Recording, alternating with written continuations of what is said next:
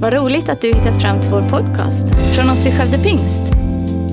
Vår bön är att den ska hjälpa dig förstå mer om vem Gud är, bygga din relation med honom och ge praktiska verktyg för ditt liv. Så här står det i eh, apostoliska trosbekännelsen då, eh, om, om det vi ska prata om idag. Det står att vi tror och, det är gött de som översatte apostoliska trosbekännelsen till svenska måste varit västgötar. Vi tror och på Jesus Kristus. Och så ska vi tala om idag uppstigen till himlen, sittande på allsmäktig Gud faders högra sida, därifrån igenkommande. Uppstigen till himlen, sittande på allsmäktig Gud faders högra sida, därifrån igenkommande. Och min rubrik på den här predikan då är, vi tror på Jesus från tronen tills han kommer tillbaka. Från tronen tills han kommer tillbaka. Det finns delar av Jesu liv som kan vara lättare att ta till sig än andra.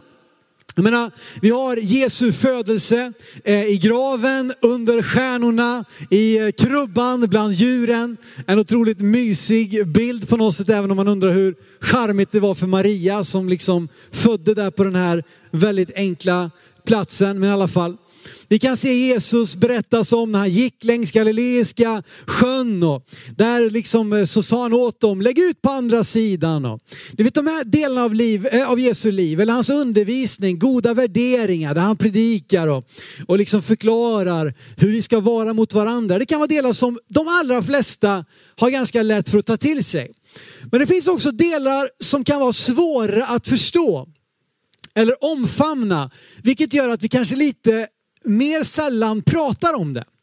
Eh, eller som gör att, att här kommer det till en, till en udd.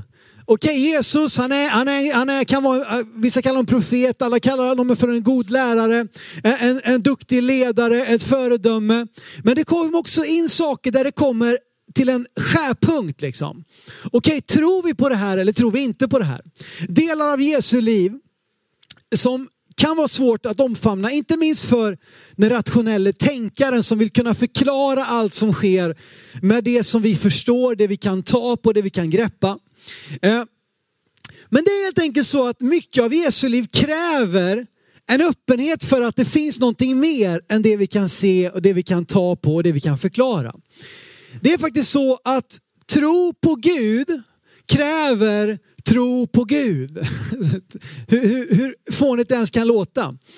Men delar av Jesu liv, det är helt enkelt sånt som vi inte kan göra, som vi inte klarar av.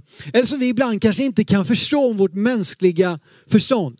Men som Jesus ändå gjorde och som Bibeln lär att han gjorde. Inte minst den här delen som vi ska prata om idag, att han blev upplyft till himlen, att han sitter på Gud Faders högra sida, att han ska komma tillbaka. Det är delar som kan vara lite svåra att förstå, men vi ska ge det ett försök. Hela min predikan eh, och den här delen av trosbekännelsen kan sammanfattas med Jesu egna ord i Johannes kapitel 14, vers 3. Jag tar lite vatten här. Jesus säger, och om jag nu går bort och bereder plats för er så ska jag komma tillbaka och hämta er till mig för att ni ska vara där jag är. Där har hela min predikan i en enda vers sagd av Jesus själv. Så om du bara vill få med dig någonting så ta den här versen och fånga upp den och lev i den, tro på den, tacka Gud för det. Vi ska börja här i början då, uppstigen till himmelen. Det var alltså viktigt för de som skulle formulera troskännelsen att konstatera att han blev uppstigen till himlen. Den tredje dagen efter Jesu korsfästelse så läser vi om att han uppstår på tredje dagen. Han besegrar döden, han besegrar graven, besegrar synden. Därefter så spenderar han 40 dagar tillsammans med lärjungarna. Paulus säger i första Korinthierbrevet 15 att vid ett tillfälle så träffar han 500 bröder på ett och samma tillfälle. Så det finns gott om ögonvittnen som själva såg Jesus efter korsfästelsen. Massor av ögonvittnen.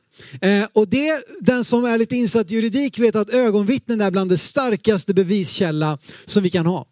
I alla fall så är det ju så att man kan tänka, okej okay, Jesus uppstod, man såg honom. Men vad händer sen då? Ska han leva i 50-60 år och sen dö en vanlig död och begravas någonstans i Galileen eller kanske på Olivberget? Vad vet jag?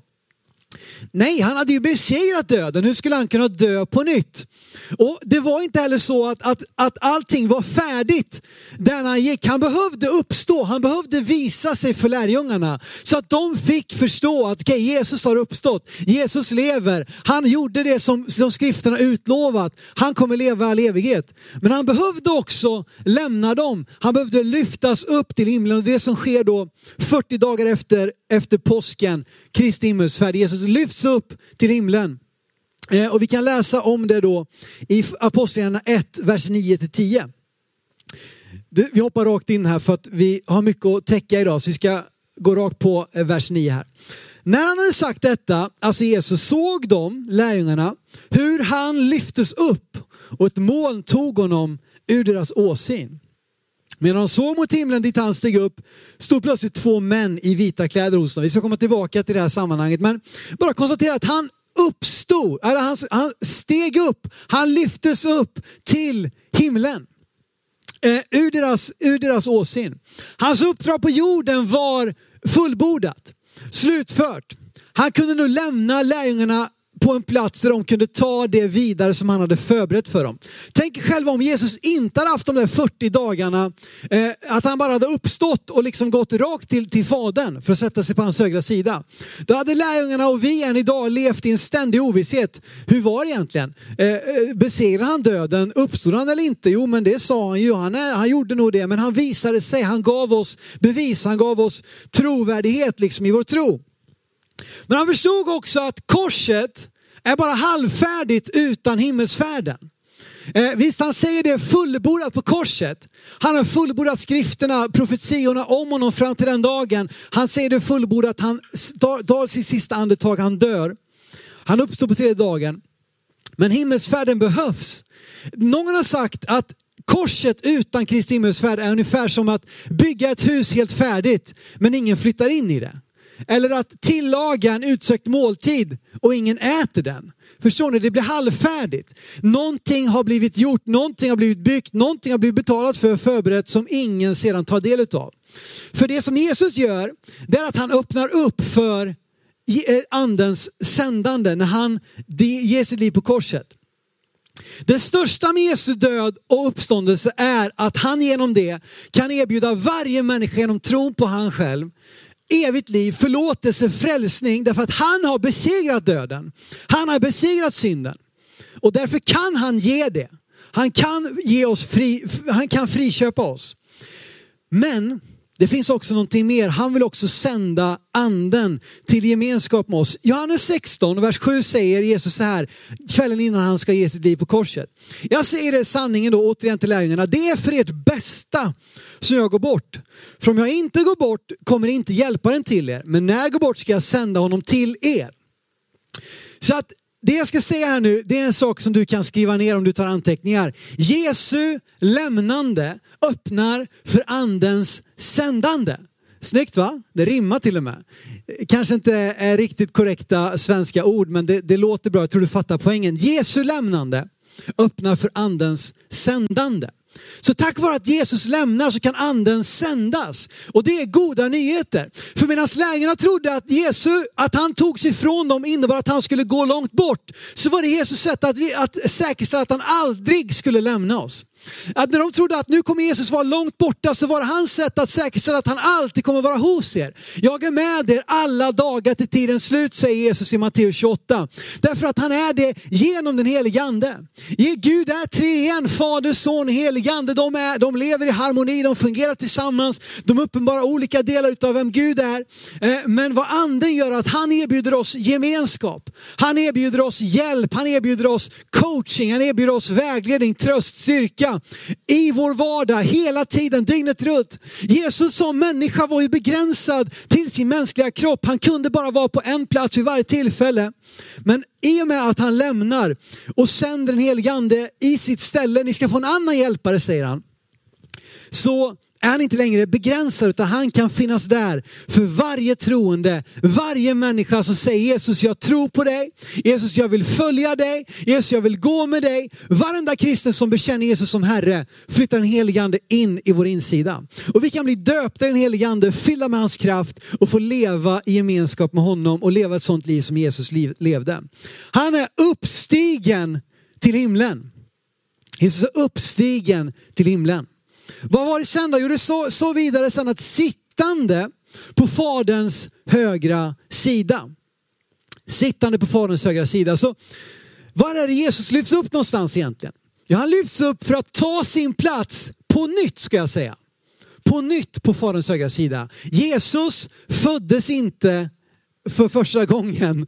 Eh, han blev inte till genom jungfru Maria. Han var till redan i skapelsen, redan i evighet. Han är Gud. Han kom från det himmelska men tog mänsklig gestalt genom att födas genom jungfru Maria. Men han gick tillbaka för att sätta sig på hans rättmätiga plats, nämligen på Gud faderns högra sida. Vad gör han där då? Vi ska läsa Romarbrevet 8, 34-35. Jag vet inte om du har tänkt på det, vad gör Jesus nu egentligen? Vad håller han på med liksom? Det, det var länge sedan nu Jesus, vad gör du? Eh, här säger han, eh, Paulus förklarar vad han gör för oss. Romarbrevet 8, vers 34-35. Kristus Jesus är den som har dött, ja än mer, den som har blivit uppväckt och som sitter på Guds högra sida och vädjar för oss. Vem kan skilja oss från Kristi kärlek? Vem kan skilja oss från Kristi kärlek? Jo, där sitter han och Folkbibeln 15 säger att han vädjar för oss. Eh, den gamla översättningen säger att han manar gott för oss. Den engelska översättningen säger att han interceding for us. Alltså att han ber, han är i förbönstjänst för dig och mig. Så jag vet inte om du har förstått det, men vi kan ju be om förbön av varandra och det är en otrolig styrka. Jag vill uppmuntra dig att göra det. Jag ber någon annan, kan du be för mig? Jag behöver det. Lägg dina händer på mig, be i Jesu namn eh, att Gud ska göra någonting. Men vet du vad? Du har en konstant förebedjare, Jesus själv. Det står att han sitter på Faderns högra sida och ber för oss. Eh, Anden, han verkar, han utför Faderns vilja. Anden verkar, han har blivit sänd utav Jesus som döper i en helig ande.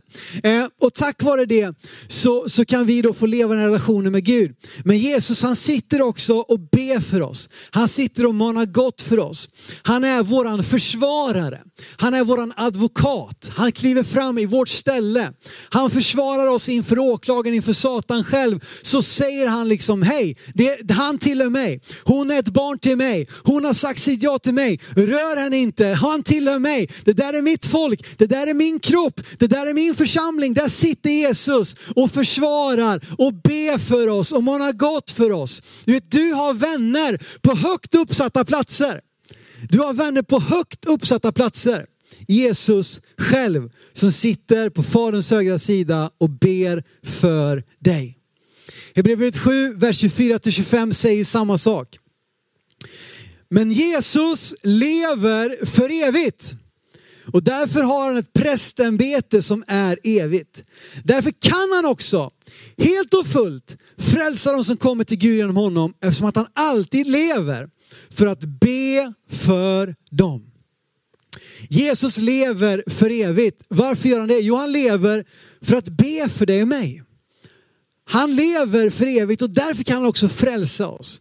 Han är vår överstepräst som är fullkomlig, som kliver fram i vårt ställe och som för oss in i relation med Gud. Du vet att Jesus, hans bön, den har makt. När Jesus ber, då händer det grejer. Och du har högt uppsatta vänner. Där sitter Jesus på Faderns högra sida och manar gott för oss, ber för oss. Det fortsätter här att därifrån igenkommande. Det är lite gammal, gammaldags ord kanske, men han är uppstigen till himlen. Sittande på Faderns högra sida, därifrån igenkommande. Att Jesus ska komma tillbaka. Och det här är någonting som genom historien har varit en tröst, har varit ett hopp för alla troende redan innan Jesus lyfts upp i Kristi himmelfärd så talar han med sina lärjungar om att jag ska komma tillbaka. Han säger till och med jag kommer snart. Eh, det var ett tag sedan. Men han säger det redan då att jag ska komma tillbaka. Det vi läste här förut ju om hur han lyftes upp i Apostlagärningarna 1, vers 9-10. Nu ska vi läsa vidare i vers 11. Kommer ni ihåg, det kom två män där i vita kläder. Vilka var det? Jo, det var två änglar som kom dit och talade med lärjungarna och vi ska se vad de säger i Apostlagärningarna kapitel 1, vers 11. Det är spännande det här. Eh, Apostlagärningarna 1 eh, och vers 11. Och där säger eh, eh, änglarna så här. De sa, Galileer, varför står ni och ser mot himlen? Den Jesus som tog, togs upp från er till himlen, han ska komma tillbaka på samma sätt som ni såg honom stiga upp till himlen. Det finns en fara för oss som kristna att bli så fascinerade av vad Gud har gjort för oss att vi stannar i den här positionen. Att, att vi, är, vi är så inne i lovsång, vi är så inne i tillbedjan, i förundran av Gud, att vi lever våra liv så här. Vi bara tittar uppåt. Men de säger, hallå, titta neråt. Hallå, varför står ni och tittar uppåt för? Titta neråt. Ni har ett uppdrag, ni har en mening med era liv, ni har ett syfte med era liv. Han ska komma tillbaka och tills dess så ska ni gå ut och göra alla folk till lärjungar, precis som Jesus har sagt. Alltså direkt i anslutning till Jesu himmelfärd så kommer ett löfte om hans återkomst. Det hör ihop. Du vet, hela Jesu liv har en mening. Det är inte bara oj då, föddes han just på den platsen, oj då, var det just en jungfru, oj då, liksom gick han dit och bodde han där och var han där. Allt i Jesu liv har en mening.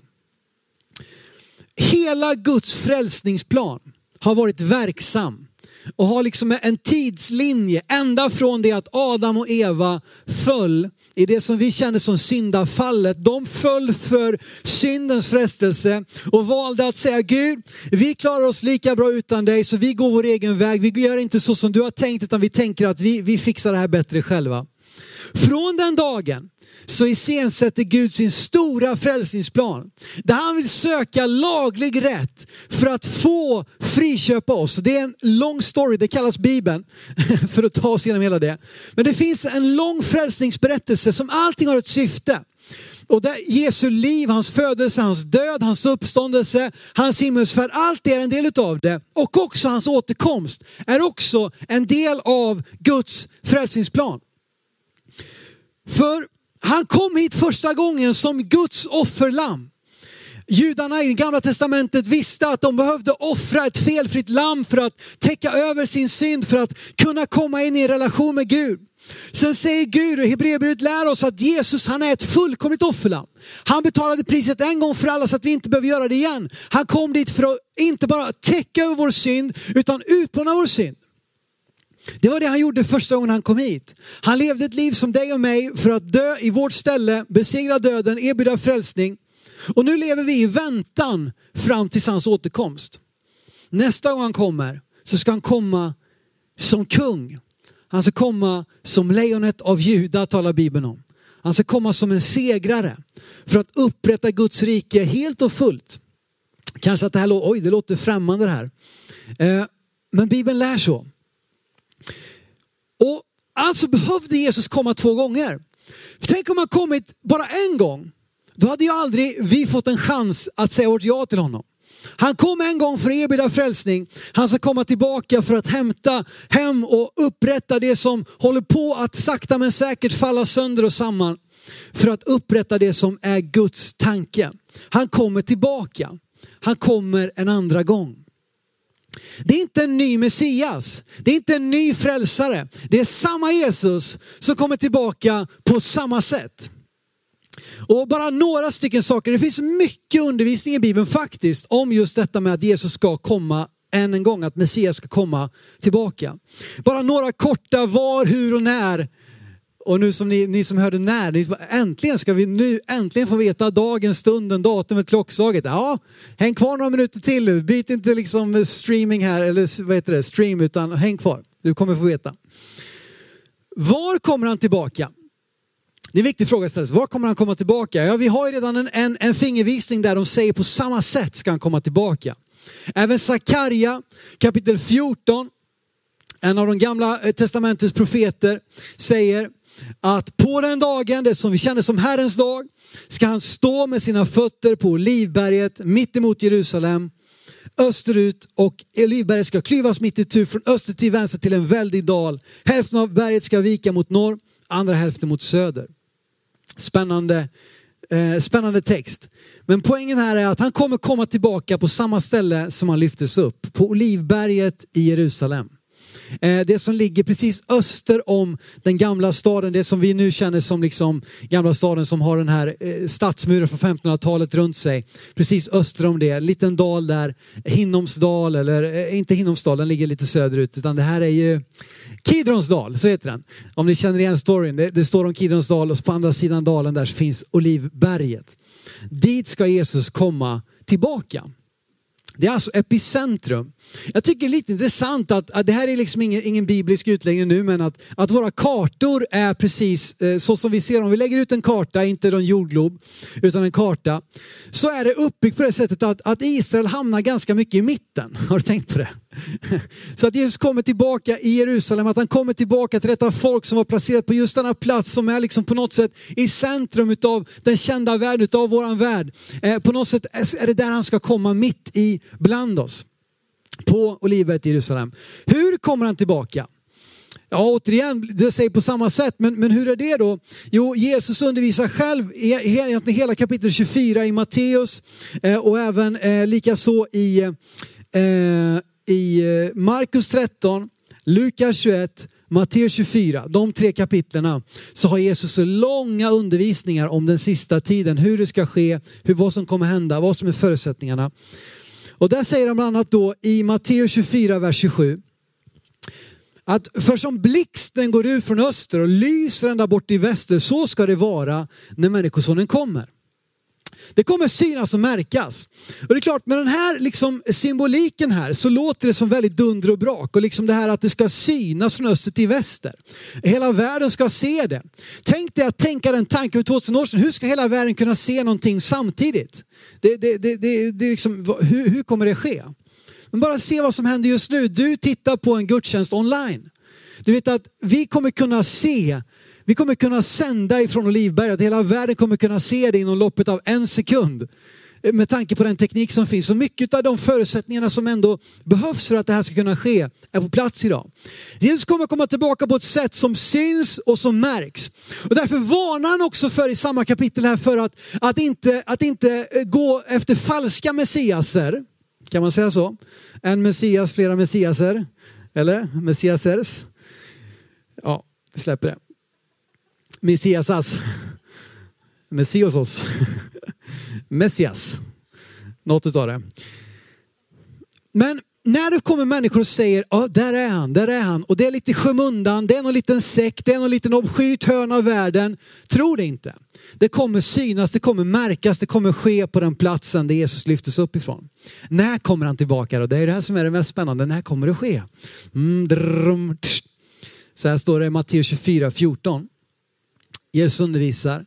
Han säger så här, detta evangelium om riket ska förkunnas i hela världen till ett vittnesbörd för alla folk. Sedan ska slutet komma. Det lät vagt. Ja, det är faktiskt så att en stor varningsklocka. Både om någon säger att här är Messias i någon liten, liten, liten sekt, en liten, liten del av världen. Det är en varningstecken. En annan varningstecken är den som säger att det här datumet, det har skett och, kommer säkert ske igen innan Jesus kommer tillbaka på riktigt. Att någon kommer säga, där är det, där är det, den datumet, det klockslaget. Men han säger att evangeliet ska predikas, alla människor ska få en chans att säga sitt ja till Jesus. Alla folk, det är etnos, alltså folkslag. Alla folkslag, alla, alla språk, alla stammar, alla släkten ska få chansen. Och hur ska det kunna ske? Man kan tycka att det kommer ta en evighet. Titta på världen hur det ser ut idag. Återigen, titta också på den, de möjligheterna som finns idag. Och titta nu på vad corona har lett oss in i. Jo, varenda liten kyrka, oavsett om det liksom är 50 eller 50 000, har börjat sända online, har börjat göra sina grejer tillgängliga på ett sätt som inte varit förut. Eh, och, och vem säger, tänk om det är ett redskap som kommer användas för att få se den här eh, eh predikan för alla folk. Att det ska kunna ske, att alla folk ska kunna få höra. Eh, och det är alltså ett, ett villkor för Jesu återkomst. I övrigt så säger Jesus både att bara Fadern vet stunden. Inte ens sonen, inte ens änglarna vet stunden. När exakt han ska komma. Samtidigt säger han att ni ska inte vara ovissa. När ni ser de här tecknen, när ni ser de här sakerna äga rum, då vet ni att tiden är nära. Som kristna behöver vi leva liksom i, i en balans i det här. Det finns kristna som ägnar allt sitt fokus åt att spekulera, åt att liksom, eh, leta efter sifferkoder i gamla testamentet och i liksom olika skrifttecken för att kunna liksom mejsla fram exakt hur saker och ting kommer ske. Det finns kristna som nästan inte, nej men det med Jesus komma tillbaka, det känns lite obekvämt det kommer säkert, det, det, är säkert, det är nog någon metafor och det ligger nog långt fram och tänk inte på det. När Bibeln är fullproppad av undervisning om detta, därför behöver vi vara kunniga om det. Ehm, och jag tror att det vi ska vara, hela vårt hjärtas fokus ska vara precis det som Jesus säger här. Alla folk ska få höra, sen ska slutet komma. Det borde våra hjärtan vara fyllda utav. Inte att vi lever i nonchalans som att vem bryr sig, strunt samma, det är säkert längre bort, det är säkert inte min generation, det är säkert inte ens mina barn, det är säkert inte, det ligger så långt borta så att vi knappt vet när det kommer ske. Och då blir det också så att det kan ju också föra oss till att våra liv spelar inte så jättestor roll här på jorden. Vad spelar det för roll om vi, om vi berättar, om vi, om vi är kyrka? Det, det är väl skönt nu när corona, vi behöver inte ha så mycket gudstjänst, så mycket samlingar. Vi kan väl bara ställa in, bara lägg ner liksom. Det är väl superskönt. Alla kan lyssna på Stephen Furtick och Judas Smith. Sen behöver vi inga mer kyrkor, vi behöver inga mer kristna. Därför att det är så jätteskönt att bara strunta i det. Nej. Om vi däremot är upptagna med, Jesus säger att alla folk ska få höra, sen ska han komma. Det borde vara vårt hjärtas fokus. Det borde vara det som vi uppfylls av. Att göra så många som möjligt, ge så många som möjligt chansen att få komma med. Att få säga sitt ja till Jesus, att få ta ställning till budskapet om korset. Att få höra evangeliet predikas på ett språk och ett sätt och ett, ett, ett, liksom i en form som de kan ta till sig. Det borde vara vad våra hjärtan är fyllda utav. Du kanske tycker att det här låter som science fiction. Det här låter helt sjukt om jag ska vara helt ärlig. Jag kan inte tro på det här. Du vet, det var många som tyckte det innan Jesus kom förra gången också. Det var inte många som trodde att Jesus skulle komma då. Men vet du vad? Han gjorde det. Kolla din kalender. Det kallas jul. Det var inte så många som trodde att det skulle ske, att han skulle födas där och att han skulle få den påverkan som han skulle få. Men han fick det. Hans andra ankomst är förutsagd genom profetier i Bibeln åtta gånger mer än hans första ankomst. 1845 gånger talar Bibeln om Jesu andra återkomst. I Nya Testamentet, det är alltså inte bara Gamla Testamentet, i Nya Testamentet så berör sju av nio kapitel det faktum att Jesus kommer tillbaka. Det omnämns över 300 gånger på 260 kapitel. Det här är någonting som angår oss. Jag brukar tänka att det Bibeln talar lite om är lite mindre viktigt, det Bibeln talar mycket om är desto mer viktigt. Och med den metodiken så är detta någonting otroligt viktigt, någonting vi ska leva i. Jag ska läsa ett bibelord, första Thessalonikerbrevet 4, vers 17 18. Därför kanske är det så att du som jag, när jag var liten så blev jag lite rädd av det här faktiskt, om jag ska vara helt ärlig. Förmodligen predikades det mer om Jesu återkomst på den tiden kanske än vad det gör idag. Ibland så var det på ett sätt som man blev rädd nästan. Man visste inte om man vågade somna på kvällen för tänk om jag är kvar och tänk om alla andra försvinner och tänk om det är för sent och tänk äh, alla möjliga sådana här saker. Men jag älskar de här verserna i första Thessalonikerbrevet 4, 17-18. Paulus säger därefter ska vi som lever och är kvar ryckas upp bland skyar tillsammans med dem för att möta Herren i rymden.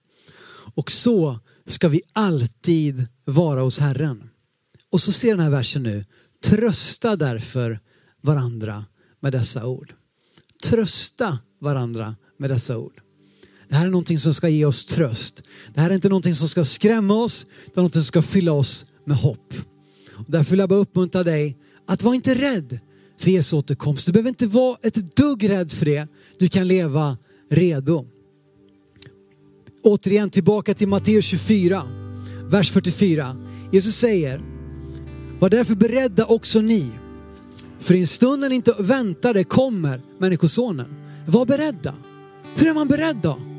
Genom att säga ja till Jesus. Det finns mycket annat, det finns många ABC 4, 5, 6 kurser också som vi kan, som vi kan gå, som vi kan få, få lära oss hur vi ska liksom fungera, hur vi kan vara goda föredömen, bry oss om vår nästa. Men det finns ett som är viktigare än något annat, som innebär att du kan vara redo, att Jesus kommer tillbaka. Det är att säga ett ja till Jesus Kristus, vår Herre. Det är den första kristna bekännelsen. Jesus är Herre. Det var det som lärjungarna gav sitt liv för. Det var det som de första lärjungarna spikades upp och led martyrdöden för. Jesus är Herre. Och vi ska inte sluta den här gudstjänsten utan ge dig tillfället att säga just de orden där du sitter. Så om du vill proklamera över ditt liv, om du vill vara redo den dag Jesus kommer, så säg de här orden där du är just nu. Jesus är Herre. Säg det en gång till och en gång till. Säg det tre gånger. Jesus är Herre. Jesus är Herre. Jesus är Herre. Om du har proklamerat ut de orden över ditt liv och menar de orden så kan du vara redo för hans återkomst. Du lyssnat. Dela gärna podden med dina vänner och glöm inte att prenumerera så du inte missar nästa predikan. Om du har några frågor eller vill att vi ska be eller tacka för något tillsammans med dig så får du gärna höra av dig till kyrkan skövdepingst.se. För oss är veckans höjdpunkt söndagens gudstjänst och det vore så kul att träffa dig där. Våra team finns då redo att ta emot dig och det finns även egna samlingar för barnen. Du hittar mer information om oss, vilka vi är och våra olika mötesplatser på skövdepingst.se. Gud välsigne dig och ha en fortsatt bra vecka.